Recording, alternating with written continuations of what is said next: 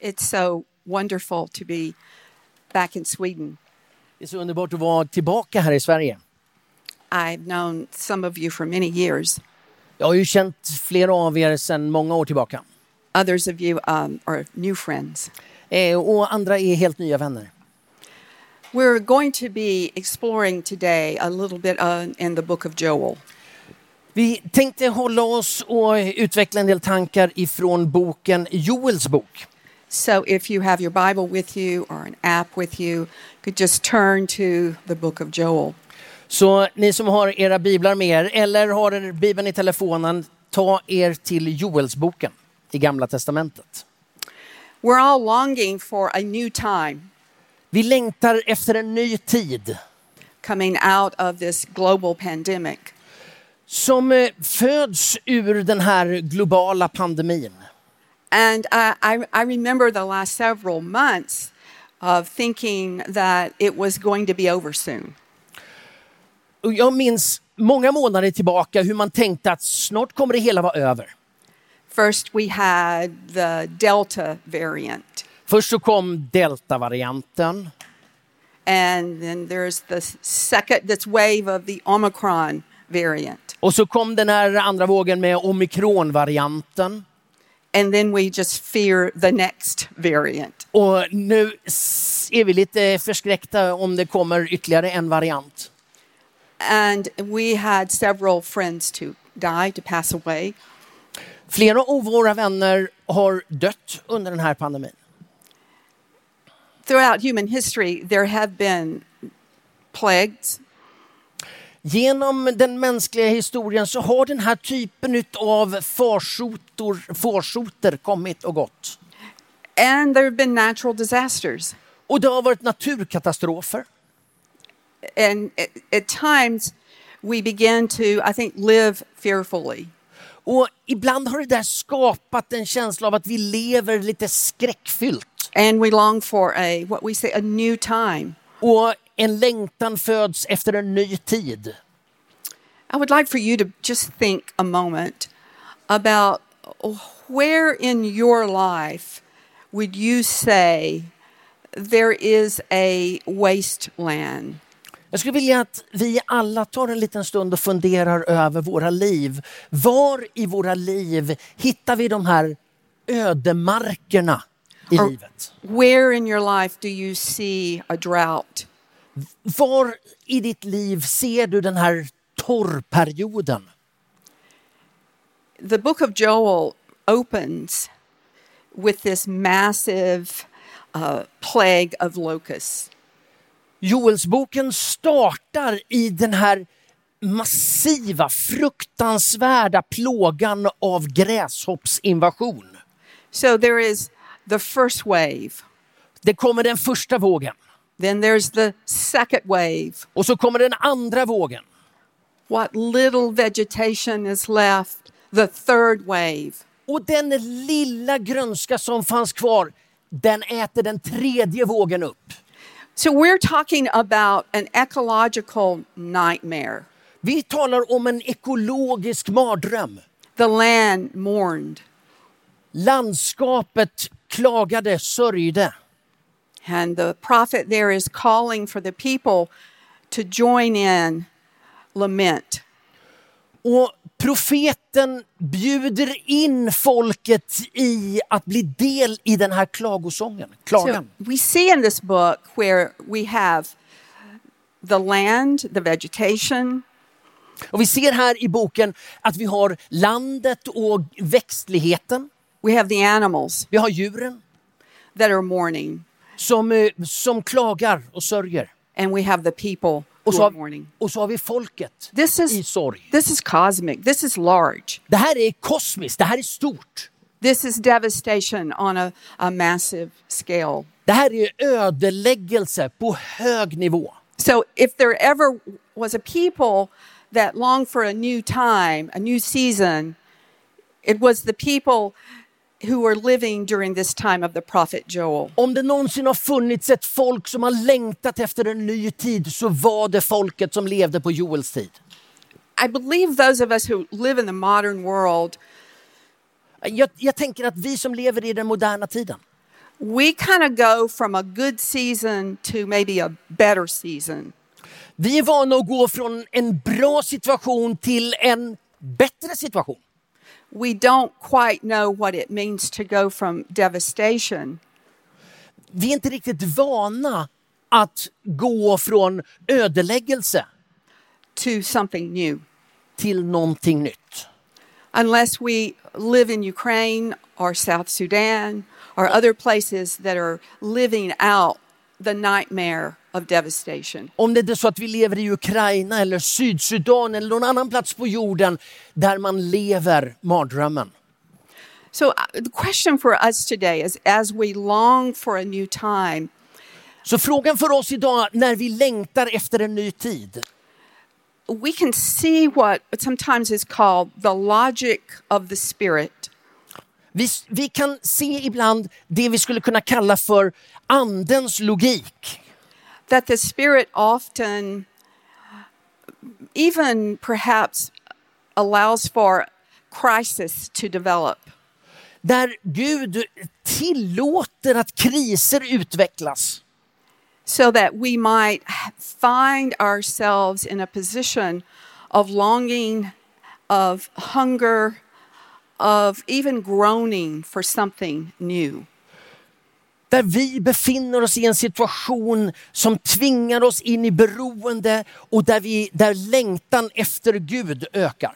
So, as we're looking for a new time, a new season, Så när vi nu söker efter en ny tid, en ny period, the way of the Spirit is often through the door of crisis. så är andens väg ofta genom krisernas dörr. It's in crisis that things are that things break open, Det är ofta i kriser som, eh, som det öppnas upp. and it is in crisis where the Spirit does the Spirit's best work. Och det är i kriserna som anden på riktigt kommer till sin rätt. So, Jack is coming to lead us into the book of Joel to see both the crisis and the newness that we find in this book. Och Jackie kommer leda oss genom bibeltexten i Joels bok där vi får se vandra både genom kriserna men också genom de nya tiderna. Uh, Cheryl, watch the clock, and when you're ready for me to quit, just tap me on the shoulder, and I'll. Eh, kan, kan du hjälpa mig att hålla koll på klockan så knackar du mig i axeln när det är dags för mig att sluta? Uh, I was an American pastor for about three decades, Jag har varit eh, amerikansk pastor i tre decennier. so I'm going to have to go against my nature. Så jag kommer att vara tvungen att gå emot min natur. Uh, as a pastor, I always had long introductions, Eh, som pastor så har jag alltid haft långa introduktioner. always something funny to say, Och ofta någon kul historia. and very long prayers. Och långa böner. So the only introductory thing I'm going to say Så den enda introduktion jag ger idag is that I am so honored and pleased to be here with you and in the great country of Sweden. att jag är, jag känner det som en ära att få vara tillsammans med, här, med er här på den här konferensen och i ert fantastiska land Sverige. Uh, you are known for your hospitality and welcoming spirit to immigrants. Ni är ju kända för att eh, vara välkomnande eh, också mot immigranter. So uh, I hope you'll welcome us if we immigrate here pretty soon before the next presidential election. Så jag hoppas att ni tar emot även oss här. Vi kanske flyttar hit, kanske till och med innan nästa presidentval. Let's look into the book of Joel together. Låt oss gå till eh, Joels bok. And uh, I'm, we're going to read out of the second chapter of Joel. And if you'll just read uh, that, I will follow along. Så vi ska läsa ifrån det andra kapitlet och om eh, vi läser på svenska så, så tar vi det därifrån. Eh, From verse Oh, excuse me. Uh, well, let's go from 28. Joel chapter 2, verse 28 to the end of the chapter. Okay, I go for Swedish. I go in Swedish. Yes. Ja, yes. okej. Då läser vi från Joels boken kapitel 2, den 28 versen och till kapitlets slut. Det ska komma en tid då jag utgjuter min ande över alla. Era söner och döttrar ska profetera, era gamla män ska ha drömmar och era unga män se syner. Över, också över slavar och slavinnor ska jag utgjuta min ande. På himlen och på jorden ska jag låta tecken visa sig, blod och eld och pelare av rök. Solen ska vändas i mörker och månen i blod innan Herrens dag kommer, den stora och fruktansvärda. Men var och en som åkallar Herrens namn ska bli räddad.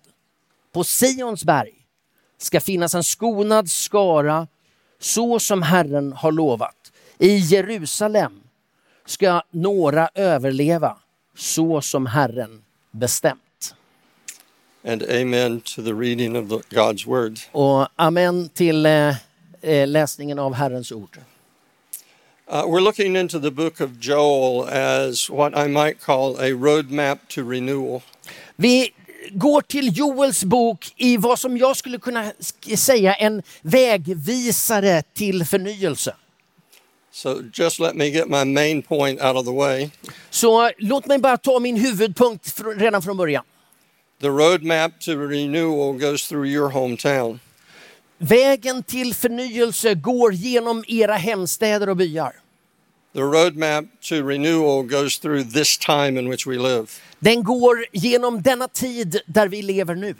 It is always time for renewal, Det är alltid tid för ny förnyelse. but Men there are no shortcuts to renewal. det finns inga genvägar till förnyelse. Renewal is always a gift from God. Förnyelse är alltid en gåva från Gud. We cannot make it happen. Vi kan inte framtvinga det.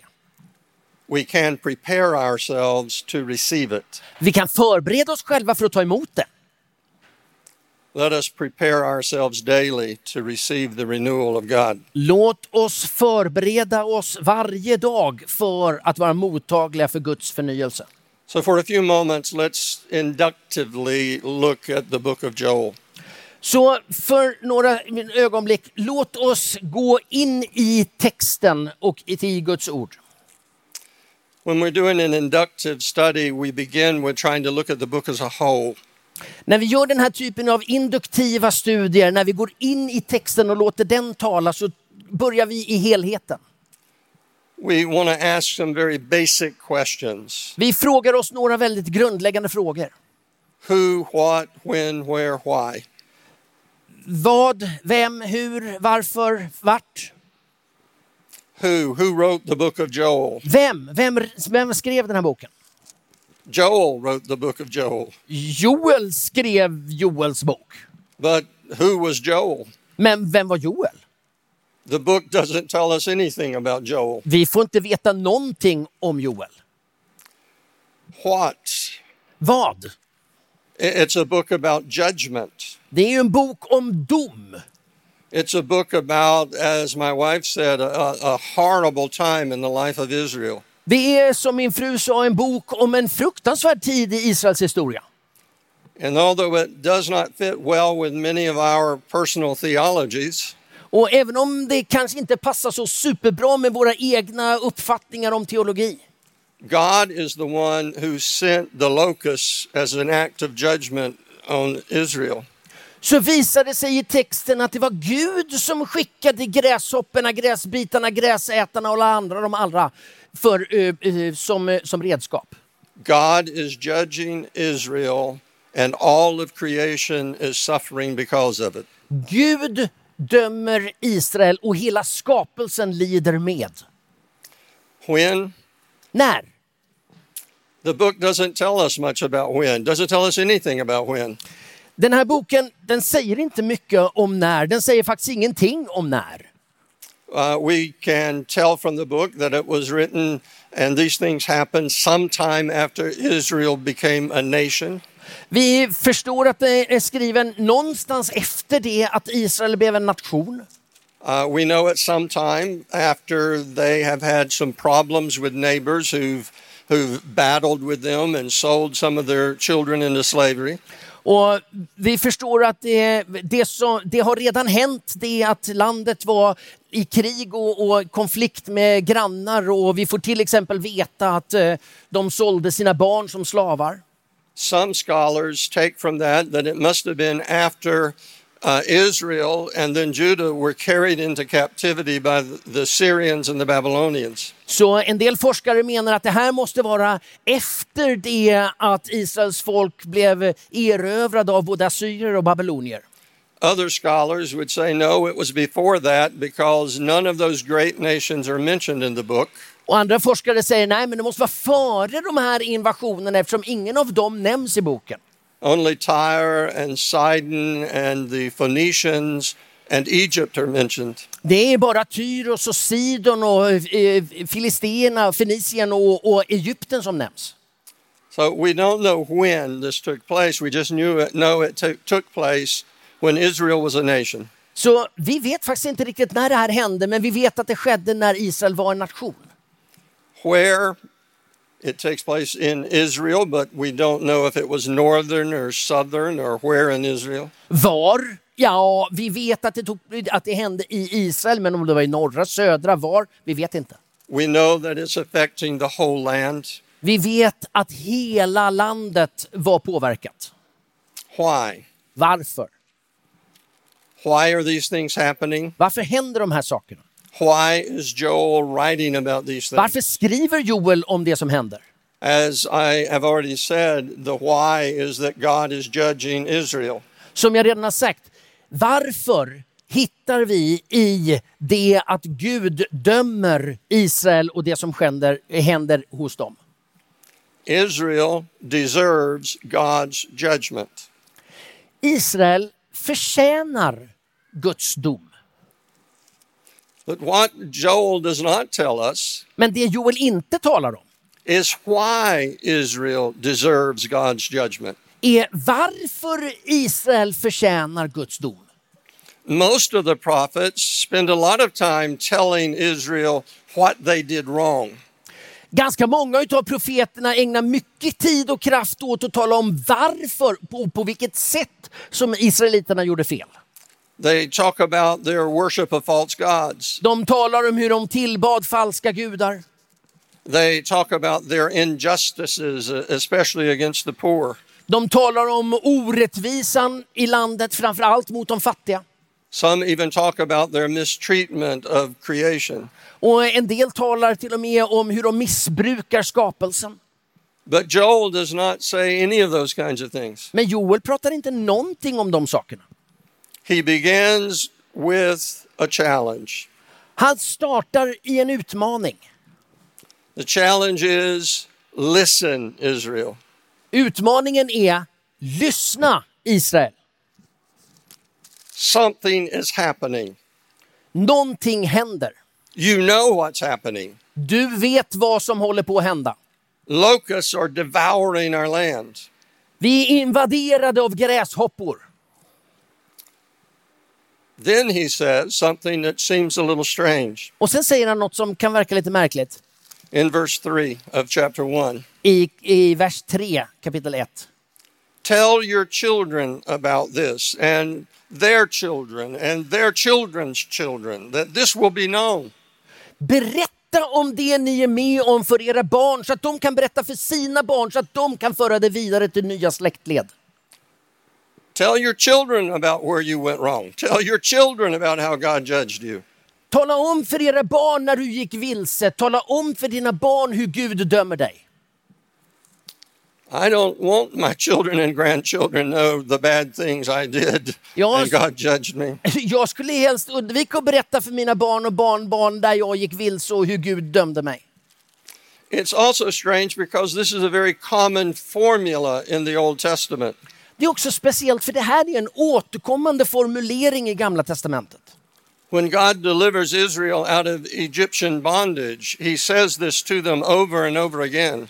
När Gud befriade Israels barn från fångenskapen i Egypten så är det detta som återkommer gång på gång. There are rituals to be carried out during the, the Passover feast. Det finns ritualer som, som man ska upprätthålla i samband med påskhögtiden. And he tells Israel, You're to do these particular things. One, because for your children to ask questions. Ni ska göra det här på det sätt så att ni öppnar upp för barnen att ställa frågor.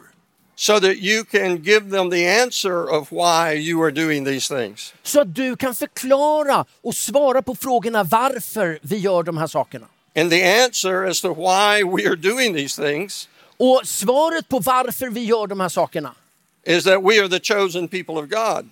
Är att vi är det utvalda folket.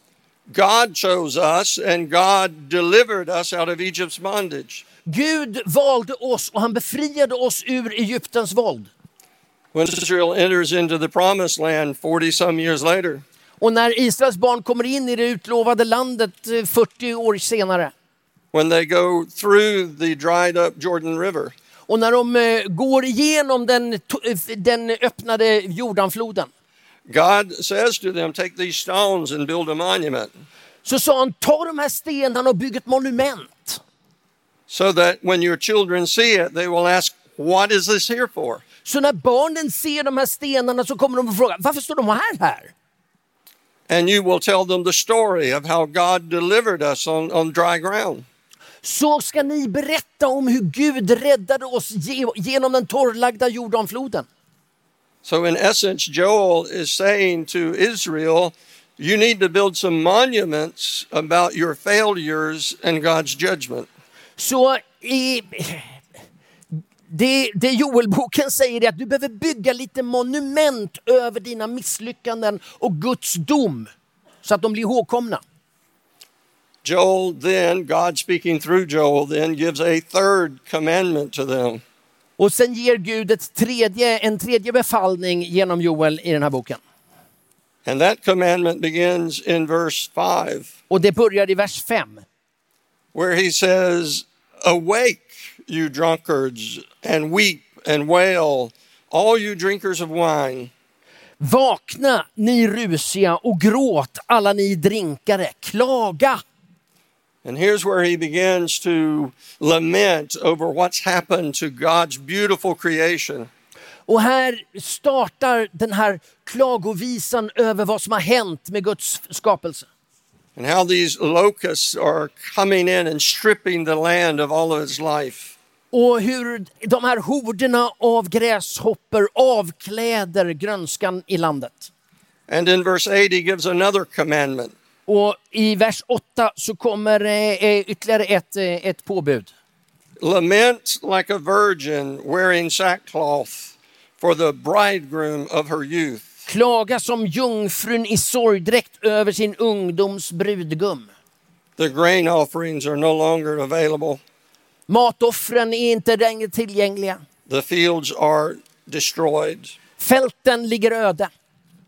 Verse 11, he gives one more commandment to Vers, them. vers 11, där kommer, eh, där kommer ytterligare ett, eh, ett budskap eller en, en uppmaning. Be ashamed. Eh, var, eh, skäms på er. Be ashamed, O tillers of the soil. Wail, O wine dressers, for all the wheat and the barley, because the harvest of the field has perished. Och ordagrant står alltså bönderna står bestörta och vidord, vinodlarna jämrar sig, jämrar sig för vetets och kornets skull, ty åkerns skörd är förlorad. And all of these commandments build up to verse 14, where the great commandment is given. Och allt det här bygger upp till den stora utmaningen eller uppmaningen i vers 14. Consecrate a fast, Påbjud en fasta, call a solemn assembly, kungör en högtidsförsamling, gather the elders kalla äldsterna and all the inhabitants of the land, och alla som bor i landet and cry out to the Lord. och samlas eh, i Herrens, er Guds hus Alas for the day, och ropa till Herren i er nöd. the day of the Lord is near. Ja, så riktigt så står det ju inte i vår översättning, men Herrens dag är nära. In this first chapter, I det här första kapitlet we have the picture of all of the trouble that Israel's going through. så får vi en bild av alla de problem som Israels folk gick igenom. And Joel says it's your responsibility to do the right thing about it. Och Joel säger, det är ert ansvar att rätta till det här. And the right thing is to repent. Och det rätta är omvändelse. I don't know how many times I have met people who asked, What do I need to repent for? Jag har så många gånger mött människor som frågar, varför ska jag omvända mig? I gave my heart to Jesus when I was a child. Jag gav mitt liv till Jesus när jag var barn. I don't smoke, I don't get drunk, I, I don't steal, I don't lie. I'm faithful. Jag röker inte, jag blir oftast inte berusad, jag stjäl inte, jag är trogen. The book of Joel tells us Joels bok säger that between now and the coming of Christ, att mellan nu och Jesu återkomst we all have some need to repent. så har vi alla behov av omvändelse. My theology will say that in one sense, for all eternity, we will continue to repent. Min teologi säger mig att i en mening så kommer vi att hålla på att omvända oss genom hela evigheten. That the way of following Christ is a way of penance. Att efterföljelse av Jesus är att omvända sig. I don't mean by that that when we get to heaven, we'll be grieving and weeping and sorrowful. Jag menar inte att det betyder att när vi kommer till himlen så ska vi stå där i sorg och, och, och, och klagan. What I mean is, for all of eternity, we will know Jag menar att genom hela evigheten så kommer vi att veta that we once were lost in sin, att vi en gång var förlorade i synd. and we are forever redeemed and being saved by the power of God. Och att vi för evigt är försonade och räddade av Gud. For all eternity, we will be turning away from that past and turning toward God. I evigheten lång så kommer vi vända oss från den historien och in mot livet i Gud. Chapter 1 ends with two verses, Eh, kapitel 1 avslutas med två verser. and it doesn't really tell us how these two verses come into this place. Det är inte riktigt glasklart hur de här två verserna passar in här. But it's a prayerful response to everything that has come up to the two verses. Men det är en böneliknande respons till allt som är sagt hittills. And it begins with To you, O Lord, I call, for fire has devoured. Till dig, Herre, ropar jag, ty utmarkens beten har elden förtärt. It's a cry out to God for mercy.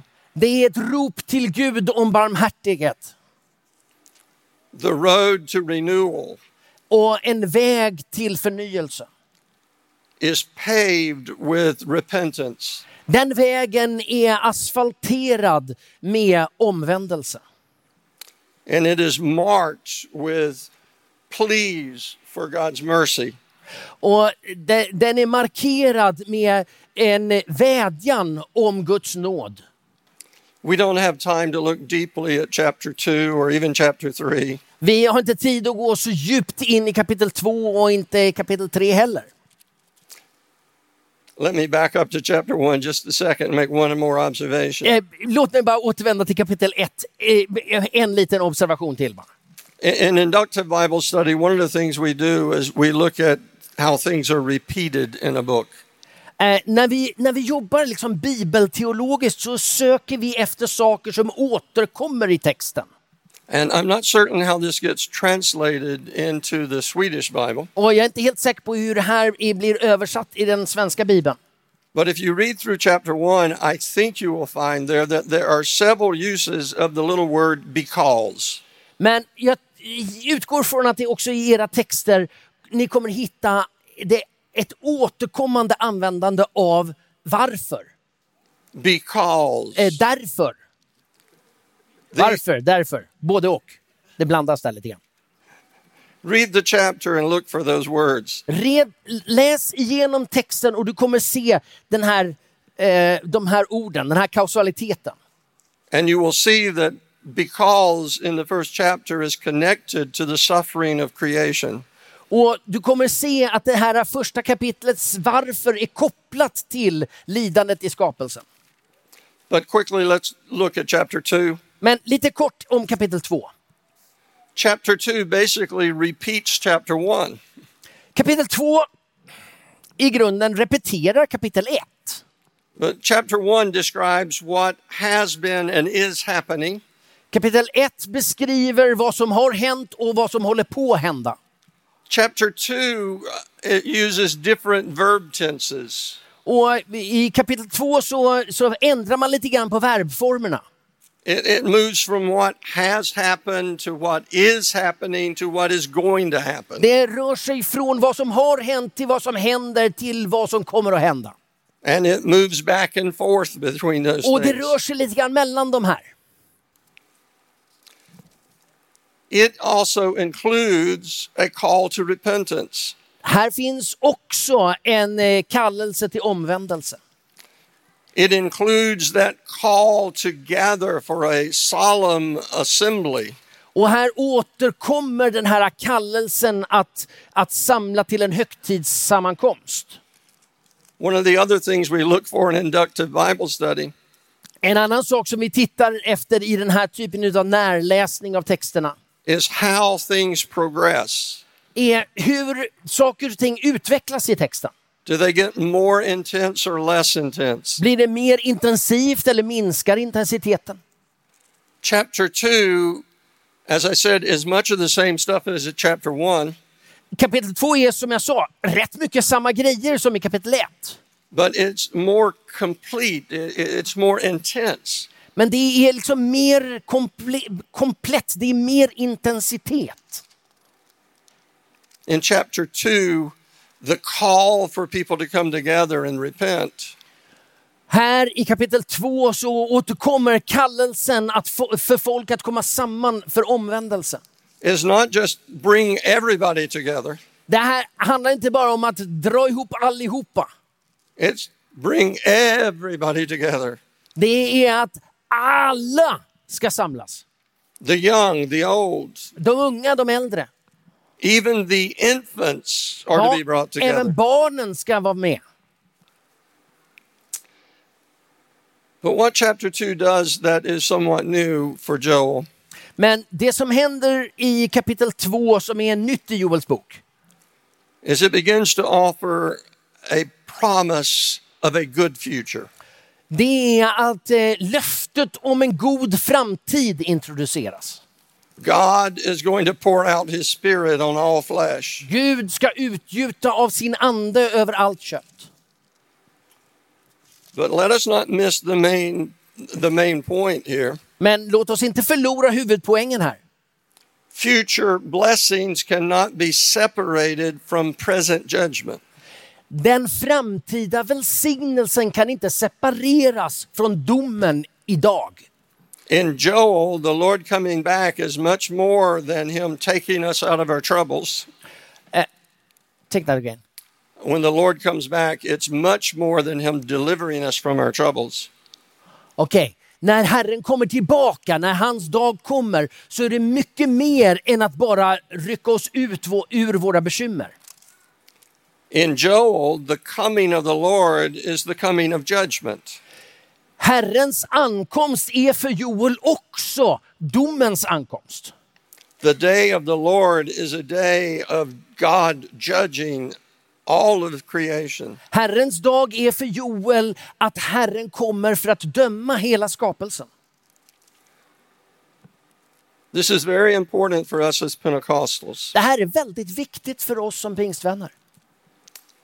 For most of us, we know very few verses in Joel. De flesta av oss känner till väldigt lite från Joels bok. But we do know that in Joel, God says he will pour out his spirit on all flesh. Men vi känner väl till att i Joels bok så kommer profetian om hur Gud ska utgjuta sin ande över allt kött. I want to encourage you to read that cha- chapter and this whole book carefully. Jag skulle vilja uppmana oss alla att läsa den här boken väldigt noggrant. God pouring out his spirit on all flesh Gud utgjuter sin ande över allt kött. is both a promise of blessing to his people Det är både en, ett löfte om välsignelse över sitt folk and a promise of judgment on sinners. och ett löfte om dom över syndare och synden. The fullness of the Holy Spirit. Andens fullhet. In Joel and in Acts, where he's quoted, i Joels bok och i Apostlagärningarna som citerar Joels bok. Is that people who are full of the Spirit of God, people who are full of the Spirit of God, att människor som fylldes utav Guds ande are a sign that the day of the Lord is coming. är ett tecken på att Herrens dag är nära. Spirit filled people, by their very nature, bear witness that the day of the Lord is at hand. Andefyllda människor är i sin natur ett tecken på att Herrens dag kommer. People who are full of the Spirit of God Människor som är fyllda utav Guds ande are a convicting presence in the world. är Guds överbevisande närvaro. In the book of Acts, Luke lets us know that God has promised we will have power to be witnesses. I eh, Apostlagärningarna så låter Lukas som har skrivit den oss veta att vi ska få kraft när den heliga ande kommer över oss. What I am suggesting to us is this Eh, Men det jag rekommenderar oss är detta. the power to be witnesses of Christ Att kraften att bli Guds vittnen comes with the outpouring of the Holy Spirit, kommer med andens utgjutande. But the outpouring of the Holy Spirit Men andens utgjutande is always a witness to the coming day of the Lord. är alltid ett vittnesbörd om Herrens kommande dag. God is coming to judge the living and the dead. Gud kommer för att döma levande och döda. The road to renewal Vägen till förnyelse is a road of discernment. är en väg av eh, urskiljning och prövning. We must, Prövande. we must discern what God is saying and doing in the time in which we live. Vi behöver lära oss att urskilja vad Gud säger i vår tid och kommande. What is God saying to us? Vad säger Gud till oss? The fullness of the Spirit is to help us discern. Andens fullhet hjälper oss i den här urskiljningen. One of our problems is that we have been committed to doing things for Jesus En av eh, våra utmaningar är att vi, vi så lätt gör saker för Jesus. when we need to be concerned about doing things with Jesus. När den stora utmaningen är att göra saker med Jesus. I don't have time to look at chapter 3 Jag hinner ju inte gå igenom kapitel 3. because my wife is standing behind me wishing that I would be quiet. Eh, därför att min fru står bakom mig och önskar att jag vore tyst. But you can read it by yourself. Yes. Yes, ni kan ju redan läsa själva i kapitel 3. Eller hur?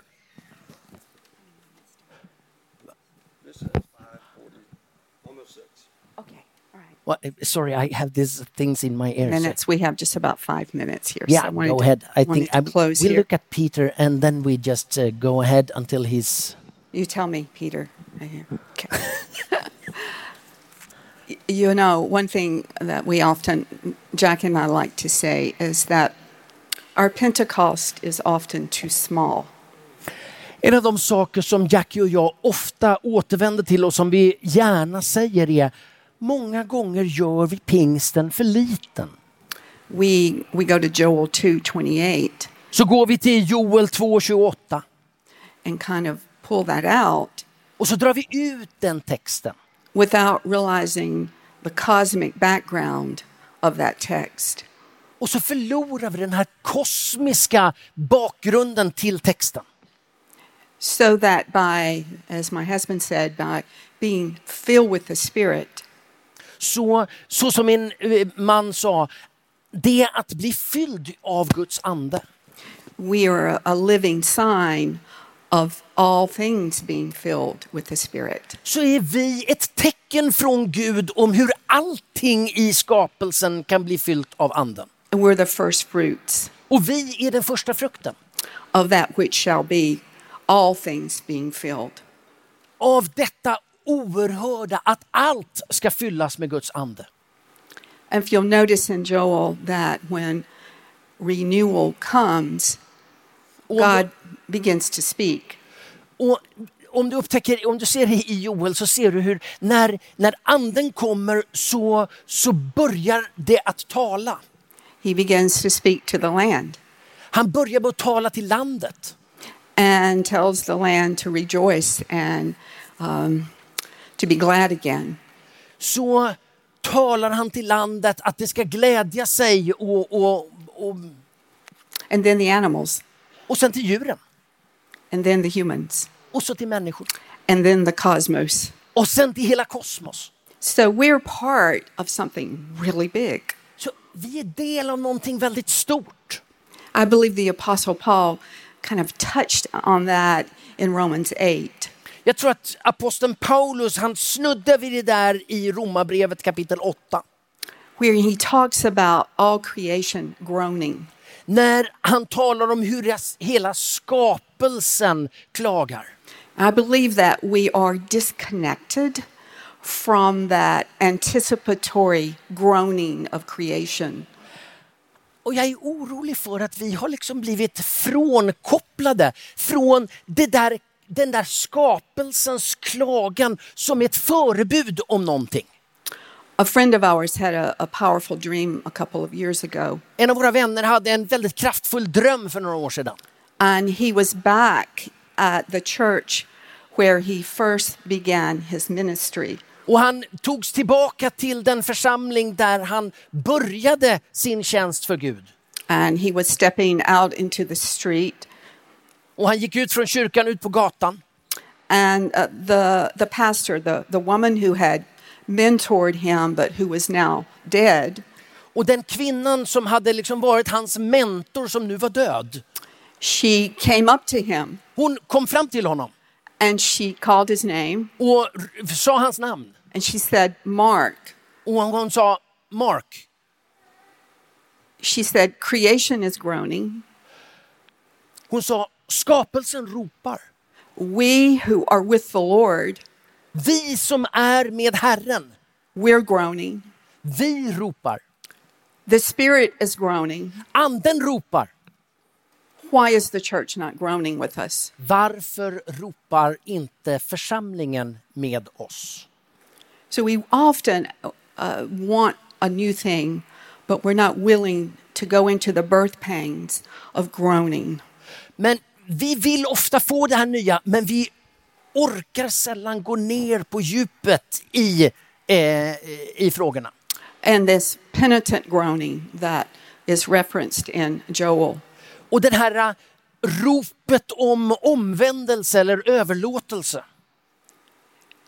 Today, I've been thinking of the words uh, as I've walked the grounds here Idag har, när jag har gått runt här på området så har jag tänkt på orden of T.S. Eliot. från T.S. Eliot.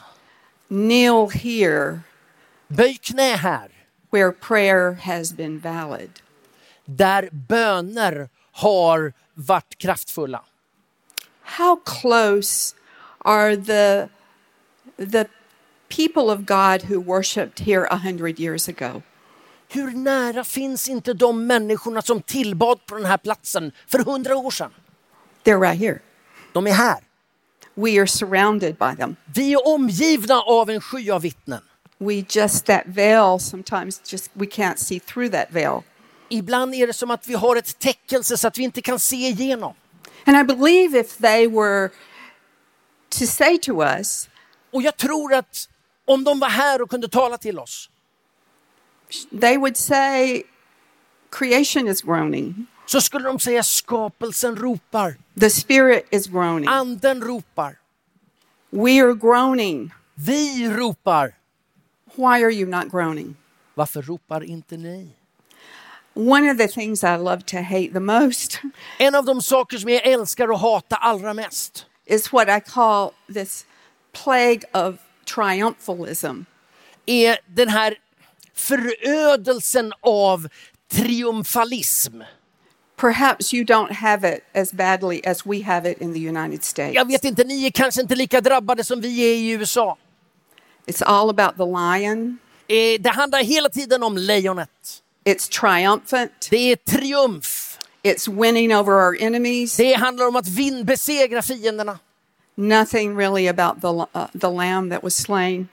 Väldigt sällan om det slaktade lammet. Everybody is is victorious, but few are willing to groan. Många vill vara segrare, men få vill gråta och klaga. I believe the Lord is calling us to lament and to groan. Jag tror att Herren kallar oss till att gråta och klaga. That's not despair. Don't get me wrong. That's not being depressed or, or being despair. Det, alltså förstå mig rätt, det här handlar inte om uppgivenhet. This is the kind of groaning that women go through when having children. Det här är den typ av rop som kvinnor eh, har när de föder barn. And I firmly believe that we are in what Christ called the, the birth, first birth pains of the new creation. Och jag är helt övertygad om att det vi står i nu, det är de första födsloverkarna inför den nya tiden. So, as spirit filled Christians, we should be the very first to hear the birth sounds and the very first to begin the groaning. Vi som andefyllda kristna borde vara de allra första att igenkänna födsloljuden och vara beredda att ta del i ropen. So, we long, we long for the new day.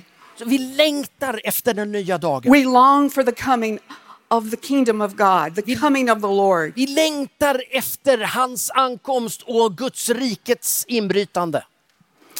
And we are to groan with the Spirit, Och vi är kallade att ropa med anden. the Spirit that's in us, Den ande som är i oss, that's calling out, som, som ropar ut. Come, Kom, come, kom, come. kom. That Spirit is the, the first fruit of what's coming. Den anden är den först, förstlingsfrukten av det som är kommande. That new thing that is coming. Det, detta nya som är, som är på väg. So we have a taste of the new thing. Så vi har en försmak av det kommande. I, I, I also long that the Lord would show his glory to us Och jag längtar också efter att Herren skulle visa sin härlighet för oss. because I believe that when that happens, För jag tror att när det händer we're more likely to groan. så är det mer troligt att vi kommer att ropa och klaga. When you taste of what's coming, När du får smak på det kommande then you begin to long and to groan for it. så kommer du börja att ropa efter det och längta efter det. So, what time are we living in? Så vilken tid lever vi i nu? We're living in groaning time. Vi lever i klagoropens tid. This is the time of groaning. This is the time of the birth pains. This is the time of longing. Detta är tiden för ropandet, för födsloverkarna, för... I forgot it. And it's, it's a delightful thing. It's a delightful thing. Och det är någonting underbart. It's delightful to be filled with the Spirit to the degree that you groan with the Spirit. Och Det är helt underbart att vara så uppfylld med anden så att du ropar i takt med, hon, med anden. Beyond words, Bortom ord. there are depths of sighs that cannot be uttered only by the Spirit. Det finns djup av kunskap som bara kan visa sig genom anden. And that new thing that is coming only comes through the groaning of the Spirit. And all creation, if we could get in harmony, what if all of us spirit filled people actually got in harmony with the saints? Och detta kan bara uppnås genom att vi förenas med anden så att vi som Guds folk tillsammans med alla de heliga ser det Gud har tänkt för oss i framtiden. If we got in harmony with the Spirit När vi kommer i harmoni med anden and we groaned in the new thing. och vi ropar in den nya tiden. Thank you very much. Tack så hemskt mycket. Gud välsigne er.